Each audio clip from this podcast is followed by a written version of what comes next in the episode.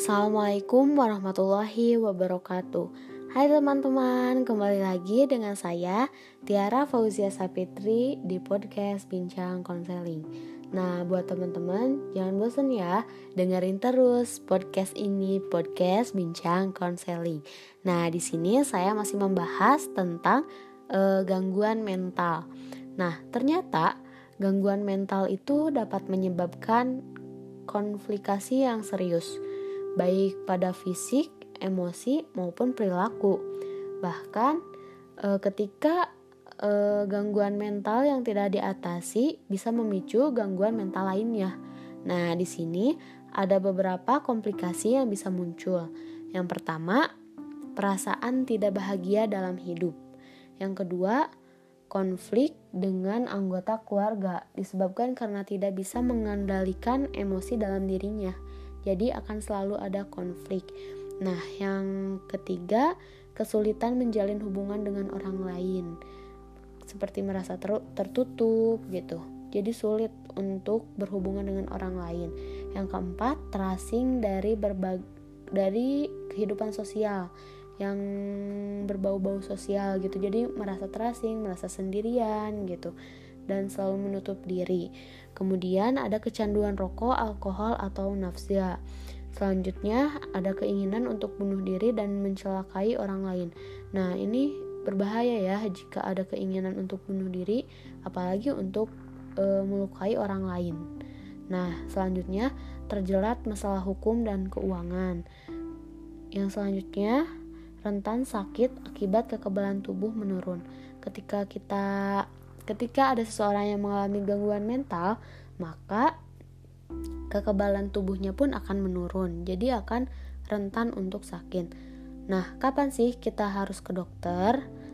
Nah, segeralah berkonsultasi dengan dokter spesialis kesehatan jiwa atau psikiater bila mengalami gejala-gejala gangguan kesehatan mental.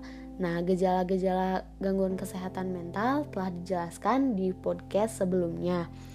Nah, eh, terutama jika beberapa gejala tersebut muncul secara bersamaan dan mengganggu aktivitas sehari-hari. Nah, bila orang di sekitar kita menunjukkan gejala gangguan mental, ajak berbagi dan bicara baik-baik mengenai gejala yang dialaminya. Jika memungkinkan, ajak ajak untuk menemui psikiater. Lekas ke IGD, rumah sakit jiwa jika muncul gejala untuk melukai diri sendiri dan orang lain, terutama jika muncul keinginan untuk bunuh diri. Nah, itu harus langsung dibawa ke psikiater ke dokter spesialis kesehatan jiwa ketika gejala-gejala tersebut sudah mengganggu aktivitas sehari-hari gitu.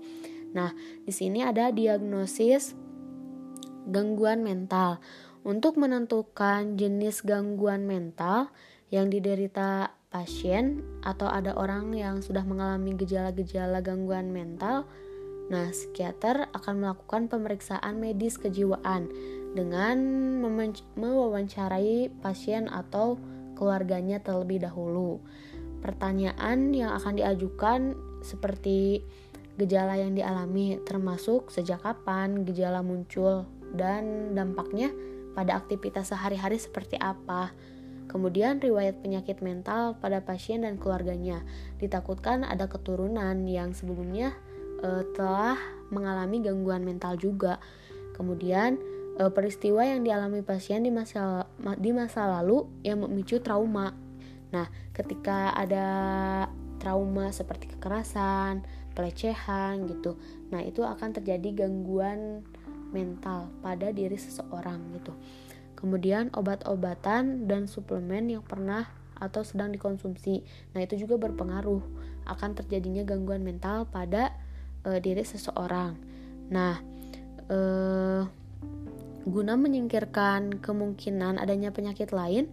Nah, di sini dokter akan melakukan pemeriksaan fisik terlebih dahulu dan pemeriksaan penunjang. Salah satunya adalah pemeriksaan yang dilakukan tes darah terlebih dahulu.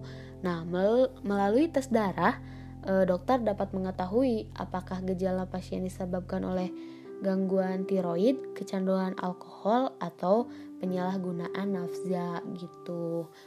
Nah, gimana sih pencegahan gangguan kesehatan mental? Nah, tidak semua gangguan kesehatan mental itu dapat dicegah.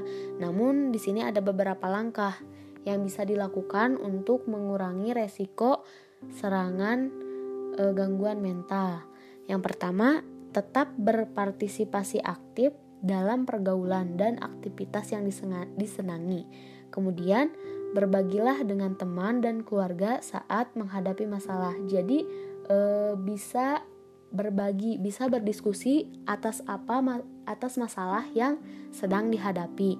Kemudian, lakukan olahraga rutin, makan teratur dan kelola stres dengan baik.